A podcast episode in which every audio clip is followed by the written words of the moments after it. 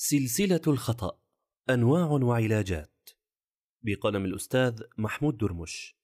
من مقالات العدد الثامن عشر من مجلة رواء في محور تزكية. جماد الآخرة عام 1444 هجرية كانون الأول ديسمبر 2022 للميلاد. المعصية في تاريخ الإنسان. أخبر الله تعالى الملائكة بأنه سيخلق الإنسان ويجعله في الأرض خليفة. لكنه تعالى أسكنه الجنة وهذا أمر ملفت فإذا كان خلقه ليكون خليفة في الأرض فلماذا يسكنه الجنة؟ لعل الإجابة تكمن فيما جرى بعد ذلك من الاختبار الذي تعرض له حيث ابتلاه الله بالنهي عن الأكل من شجرة واحدة دون بقية ثمار وأشجار الجنة. ولا تقربا هذه الشجرة فتكونا من الظالمين. فزل آدم وأكل من الشجرة المنهي عنها.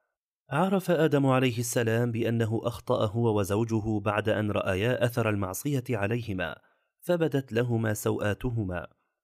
وبأن هذا الخطأ سيغضب الله جل في علاه ولما عتبهما الله تعالى على فعلتهما وذكرهما بأنه نهاهما عن الشجرة وأنه حذرهما من الشيطان وكيده تابا إلى الله وأظهرا الندم. قال ربنا ظلمنا أنفسنا وإن لم تغفر لنا وترحمنا لنكونن من الخاسرين.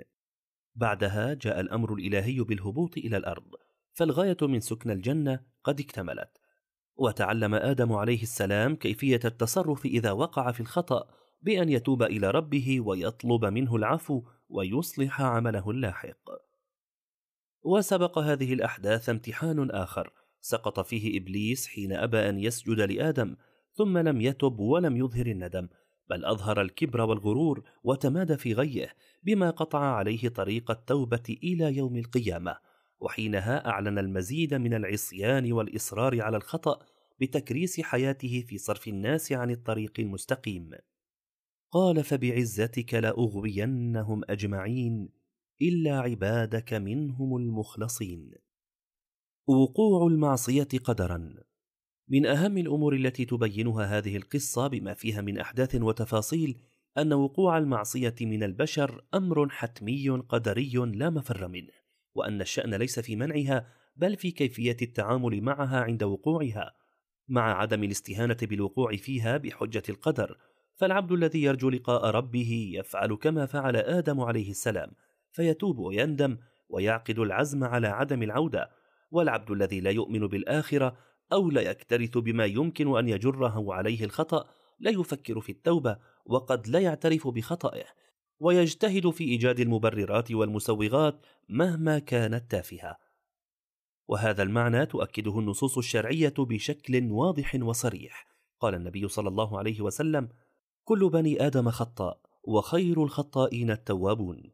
أخرجه الترمذي وابن ماجه.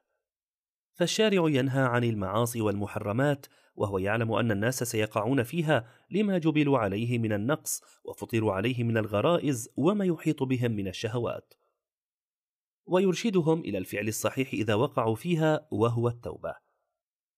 وهناك حديث آخر أكثر صراحة في هذا المعنى وهو قوله صلى الله عليه وسلم والذي نفسي بيده لو لم تذنبوا لذهب الله بكم ولجاء بقوم يذنبون فيستغفرون الله تعالى فيغفر لهم. أخرجه مسلم. فهذان الحديثان ليسا لتوهين أمر المعاصي فالمطلوب من المرء غاية التحرز من المعاصي واجتنابها لكنهما يفهمان في ضوء صفة الله تعالى الغفار والغفور. ومما قيل في معنى الحديث أنه ورد مورد البيان لعفو الله عن المذنبين وحسن التجاوز عنهم ليعظموا الرغبة في التوبة والاستغفار. والمعنى المراد من الحديث هو أن الله تعالى كما أحب أن يحسن إلى المحسن أحب أن يتجاوز عن المسيء، وقد دل على ذلك غير واحد من أسمائه الغفار، الحليم، التواب، العفو. فإن الغفار يستدعي مغفورا، كما أن الرزاق يستدعي مرزوقا. الله غفور رحيم يحب التوبة والإقلاع عن المعصية. هنا يفهم المرء جانبا من مغزى الحياة وإيجاد الخلق وهو عبادة الله تعالى والخضوع له والتذلل في عبادته وهذا يكون أقرب ما يكون في حالين في حال الخلوة بالله تعالى وكمال الاتصال به سبحانه بالعبادة والذكر والسجود وسؤاله من فضله والشوق إلى جنته وفي حال الانكسار والضعف وخشية العقاب الذي قد يورثه الوقوع في المعصية والخوف من العذاب الأليم في النار. فالله سبحانه وتعالى خلق عباده على هذه الهيئة من قابلية المعصية وإمكانية الذنب لحكم عظيمة وغايات سامية. إن الله رحيم بعباده وهو يعلم ضعفهم وعجزهم ويعلم أن الشيطان يقعد لهم كل مرصد ويأخذ عليهم كل طريق ويجلب عليهم بخيله ورجله وأنه جاد كل الجد في عمله الخبيث.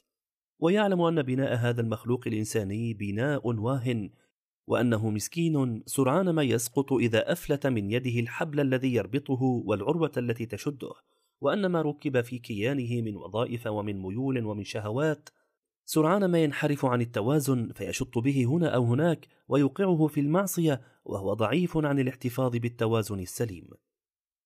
يعلم الله سبحانه عن هذا المخلوق كل هذا فيمد له في العون ويوسع له في الرحمة ولا يأخذه بمعصيته حتى يهيئ له جميع الوسائل ليصلح خطأه ويقيم خطاه على الصراط.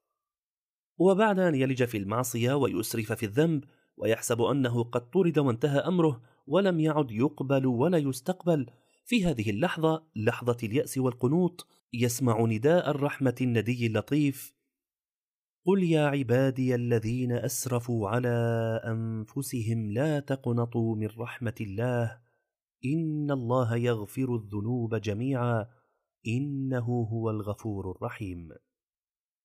والعاقل لا يقيم على الخطأ بل يبادر بتقويم سلوكه وتصحيح خطئه والتوبة من معصيته مهما كان ذنبه كبيرا ومعصيته عظيمة ومهما تكرر منه الذنب. فلا سبيل سوى التوبة والعودة عن الخطأ.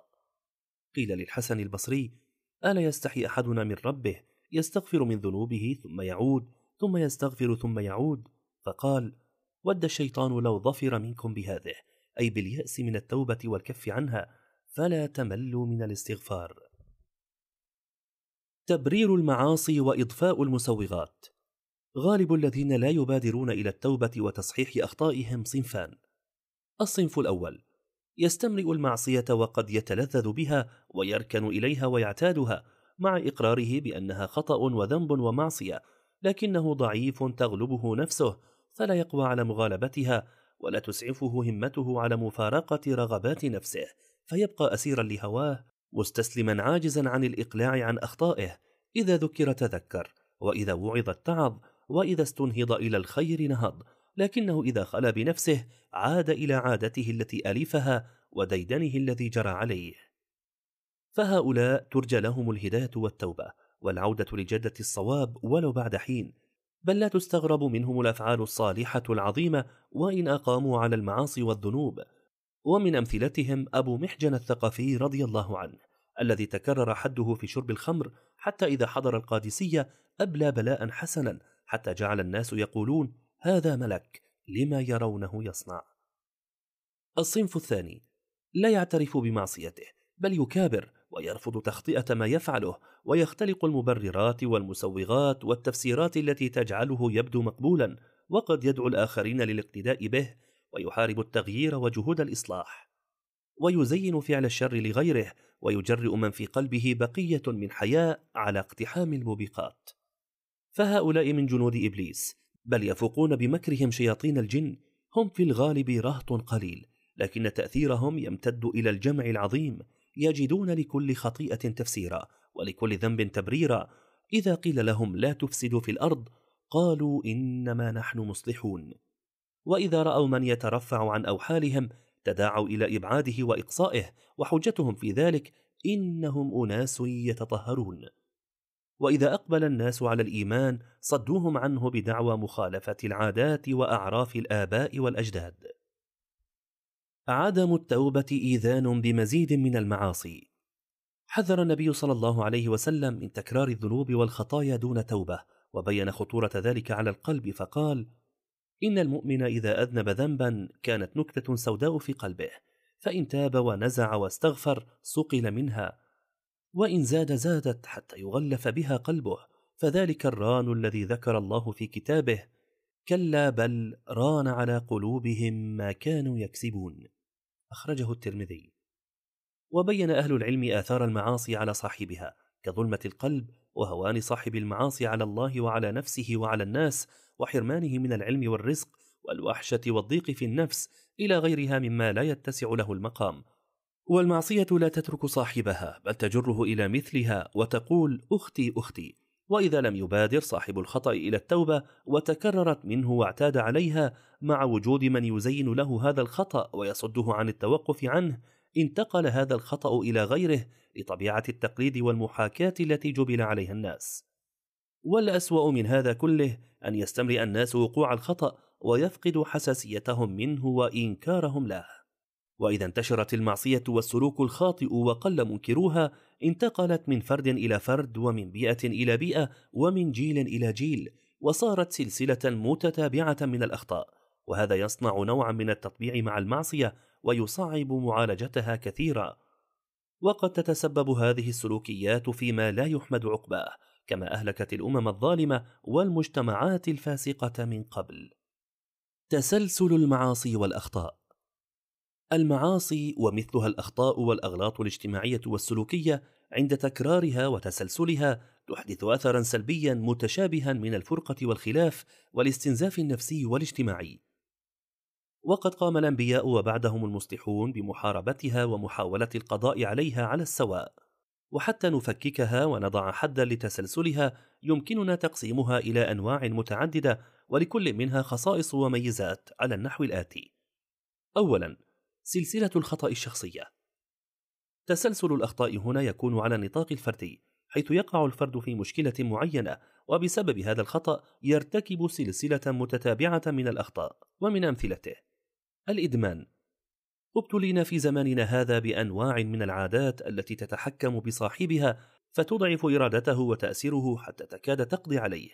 وعلى رأسها التدخين فيبدأ الأمر بدعوة من صديق فيجربه الشاب مع علمه بحال المدمنين لكنه يظن أنه قادر على الترك وقت ما شاء. وهكذا يلتف حبل الإدمان حول عنقه شيئا فشيئا حتى يدخل في نفق مظلم وترافقه سلسلة الخطأ بقية عمره.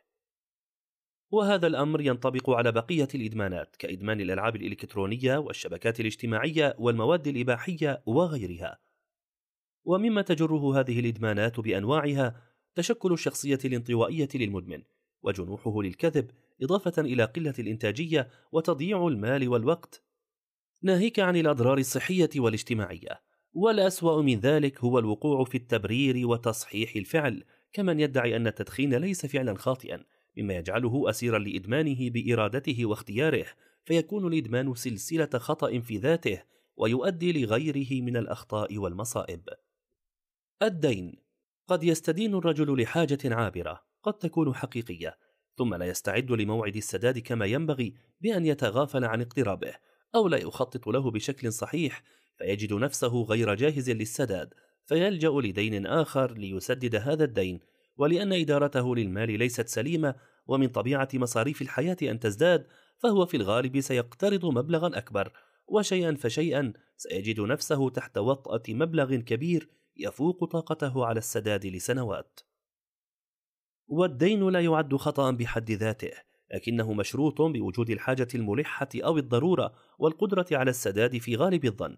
فقد ترك النبي صلى الله عليه وسلم الصلاة على من مات وعليه ديناران حتى تكفل بسدادهما أبو قتادة رضي الله عنه فلما رآه من الغد وقال له قد قضيتها قال صلى الله عليه وسلم الآن بردت عليه جلده أخرجه أحمد قال الحافظ ابن حجر رحمه الله وفي هذا الحديث إشعار بصعوبة أمر الدين وأنه لا ينبغي تحمله إلا من ضرورة والحديث عن الخطأ في الدين هنا لا يشمل المضطر إنما الكلام عمن يستدين لغير ضرورة بل لأدنى حاجة ومع وجود سوء في الإدارة المالية مما يجعله خطأ فادحا.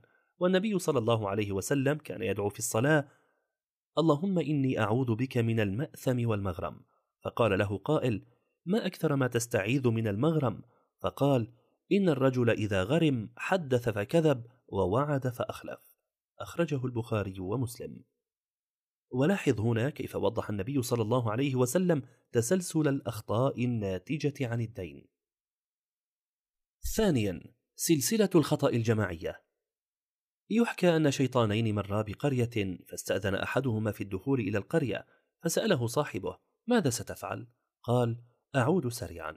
فدخل أول دار أمامه فوجد امرأة تحلب البقرة وصغيرها مربوط بحبل وهو يشد نفسه يريد أن يرضع من أمه. فذهب الشيطان إلى العجل الصغير وأفلت الحبل وتركه يهجم على حليب الأم فضرب برجله وعاء الحليب وسكبه على الأرض. فغضبت المرأة وأخذت عصا فضربت العجل على رأسه فمات من الضربة. فرآها زوجها وهي تقتل العجل فغضب غضبا شديدا وضربها بذات العصا على رأسها فماتت أيضا. فسمع أهل الزوج أن زوجها قد قتلها فهجموا على الرجل وقتلوه. فقام أهل الرجل وهجموا على أهل المرأة واقتتل الحي قتالا شديدا. فعلت الأصوات وارتفع الصراخ وحصل قتل وجرح كثير. وعندما رأى الشيطان الذي ينتظر ما يحصل في القرية سأل صاحبه ماذا فعلت؟ فقال لم أفعل شيئا أفلت العجل من الحبل فحسب. هذه القصة الرمزية توضح المقصود بسلسلة الخطأ الجماعية خير توضيح. فالرجل قابل خطأ المرأة بخطأ أكبر منه وكذلك فعل أهل المرأة ثم أهل الرجل ولو تعقل أحد الأطراف لأمكن إيقاف الكارثة والحد من الخسائر. وهي وإن كانت خيالية فأمثالها وأشباهها من الأحداث مشاهد وواقع فهذه حرب البسوس بدأت بقتل ناقة وقامت على إثرها حرب طويلة مكونة من ست معارك كبيرة. دامت حوالي أربعين عاما بحسب بعض المصادر وكادت أن تفني قبيلتي بكر وتغلب ابني وائل. وفي عصرنا الحاضر تتمثل في الحرب العالمية الأولى التي بدأت باغتيال ولي عهد إمبراطورية النمسا وحشد فيها سبعون مليون جندي وخلفت ما يزيد عن ستة عشر مليون قتيل نتيجة الحرب.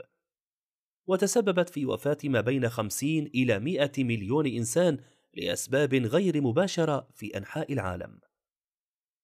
ولها واقع على المستوى المنزلي اليومي فما أكثر ما يسكب طفل شيئا أو يكسر وعاء دون قصد. فيعاقب بالضرب من قبل أمه أو أبيه فيغضب الآخر وينشب خلاف قد ينتهي بانفصال الزوجين وهدم بيت الزوجية. ومن أمثلتها ما يسمى بجرائم الشرف وشجارات حوادث السير وغيرها. ثالثا سلسلة الخطأ الأفقية. حيث يقع الخطأ من شخص أو مجموعة فيتتابع الناس في نفس الزمان والمحيط على الخطأ ذاته. ومن أبرز أمثلته نقل الكلام. إذ يطلع أحدهم على معلومة ذات خصوصية فينقلها لصاحبه وصاحبه يسربها لغيره وذاك لزوجته حتى تتفاجأ بأن الخصوصية التي تحرص على كتمها ليست إلا مضغة في أفواه الناس. ومثله التباهي بالتصوير على الشبكات الاجتماعية الذي يكون في بدايته للحصول على بعض الثناء ثم ينتقل للتباهي والتفاخر ثم يتطور للمنافسة في مختلف شؤون الحياة. ولا يخفى ما يسببه ذلك من تحاسد وتباغض وتكاليف مرهقة. وكذلك مبالغات الزواجات ومتابعة آخر صرعات الموضة في الأزياء وقصات الشعر وغيرها ومعظم العادات السيئة والأخطاء تنتقل بهذه الطريقة. رابعا سلسلة الخطأ العمودية. وفيها ينتقل الخطأ من الجيل للجيل الذي يليه ومن أمثلته التساهل في الحجاب. فأنت ترى النساء اللاتي تربين على قيمة الحجاب بمعناه الشامل ينقلن ذلك لبناتهن. وترى بالمقابل البنات اللاتي تربين على التساهل في الحجاب وآداب الاحتشام ينقلن ذلك التساهل لبناتهن بوعي أو بغيره. وهكذا جيلا بعد جيل. إلى أن يصلح حال إحدى النساء فتكسر هذه السلسلة وتربي بناتها على الحجاب والاحتشام. ومن الأمثلة تحديد النسل والاكتفاء بطفل أو طفلين فالطفل الذي لديه إخوة كثر أقل عرضة لتحديد النسل عندما يكبر من الطفل الوحيد لدى والديه وهذه العادة الخاطئة بالرغم من انتقالها الأفقي الملحوظ إلى أنها تنتقل بفاعلية أكبر على النطاق العمودي بسبب تأثير النموذج الأبوي فيه. ومن الأمثلة المشهورة لهذا النوع حرمان المرأة من الميراث والقسوة في تربية الأبناء بل كانت عبادة الأصنام هي المثال الأبرز في القرآن الكريم على هذا النوع من السلاسل يتبين ذلك من جواب الكفار على دعوة الأنبياء. قال تعالى وكذلك ما أرسلنا من قبلك في قرية من نذير إلا قال مترفوها إنا وجدنا آباءنا على أمة وإنا على آثارهم مقتدون. أساليب متعددة للعلاج. بعد هذا الاستعراض لسلاسل الأخطاء يتبادر إلى الذهن تساؤل حول العمل لمنع تسلسل الخطأ أو لكسر السلسلة. والحق أن هذا مما ينبغي أن يفكر فيه كل أحد لأننا جميعا معرضون لتسلسل الخطأ إما بتلقي المعتقدات والسلوكات الخاطئة عبر الأجيال السابقة أو بالمحاكاة والتقليد لمن يحيطون بنا أو على صعيد التورط في العادات السيئة وإدمانها أو بمعالجة الأخطاء بأخطاء أكبر منها. على المستوى الشخصي والأسري والجماعي. وثمة نصائح متعددة لمنع تسلسل الخاطئ أو لمعالجته، منها ما يتعلق بمعالجة العادة المحورية التي بإصلاحها تنصلح كثير من الأمور، ومنها ما يتعلق بتقوية الإرادة ومقاومة المغريات ورغبات النفس وعلاج الإدمان عند من ابتلي به. ومنها ما يتعلق بتعزيز الإيمان بالآخرة وتدبر الحساب والجزاء في الآخرة وتعظيم الله في القلب ومراقبة النفس في الخلوات ومنها كذلك النظر في عواقب الأمور ومآلات الأفعال وأسباب ما نحن فيه من تأخر حضاري بين الأمم. ومنها قيام المصلحين والعقلاء بتدخلات كاسرة لسلاسل الأخطاء وكبيحة لسفاهات الجاهلين بعلمهم وجاههم وأموالهم وأوقاتهم ورياستهم ومكانتهم. خاتمة ووصفة ربانية. توجد وصفة ربانية تصلح لجميع الناس لها تأثير إيجابي على صاحبها وتخفف من تسلسل الخطأ بإذن الله ويستطيع كل أحد فعلها تتمثل في خطوتين. الخطوة الأولى التوبة من الخطأ.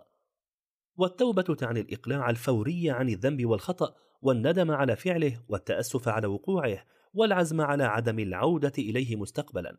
وتقتضي إصلاح تبعات هذا الخطأ وتحمل نتائجه من حقوق وتكاليف. وما أجمل أن تكون هذه التوبة بكلمات تفيض بالاعتراف بالذنب وبربوبية الله ونعمته وتجديد العهد معه. وهذه المعاني تجمعها صيغة سيد الاستغفار. اللهم أنت ربي لا إله إلا أنت خلقتني وأنا عبدك وأنا على عهدك ووعدك ما استطعت أعوذ بك من شر ما صنعت أبوء لك بنعمتك علي وأبوء لك بذنبي فاغفر لي فإنه لا يغفر الذنوب إلا أنت. أخرجه البخاري. والله تعالى علم آدم ماذا يقول في توبته. فتلقى آدم من ربه كلمات فتاب عليه إنه هو التواب الرحيم. والتوبة تفعل في نفس المخطئ فعلا عجيبا لأن تقدير المخطئ لنفسه يقل عند وقوع الخطأ فيصبح أكثر عرضة للانزواء والوقوع في أخطاء أخرى. لكن عند إحداث التوبة يزول ذلك كله ويصفو القلب ويعود قادرا على مواجهة الناس وتحمل واجبات الحياة. الخطوة الثانية تقديم عمل صالح، وهذا مهم جدا لاستعادة ثقة المخطئ بنفسه، قال تعالى: إن الحسنات يذهبن السيئات، ولعلها تذهب آثارها أيضا. وقال صلى الله عليه وسلم وأتبع السيئة الحسنة تمحها. أخرجه الترمذي. وهذا السلوك يلغي تسلسل الخاطئ. فبدلا من مواجهة الخطأ بخطأ آخر يقدم المرء عملا صالحا فتنكسر سلسلة الخطأ. والعمل الصالح يشمل الأعمال التعبدية وغيرها مما فيه نفع لعباد الله.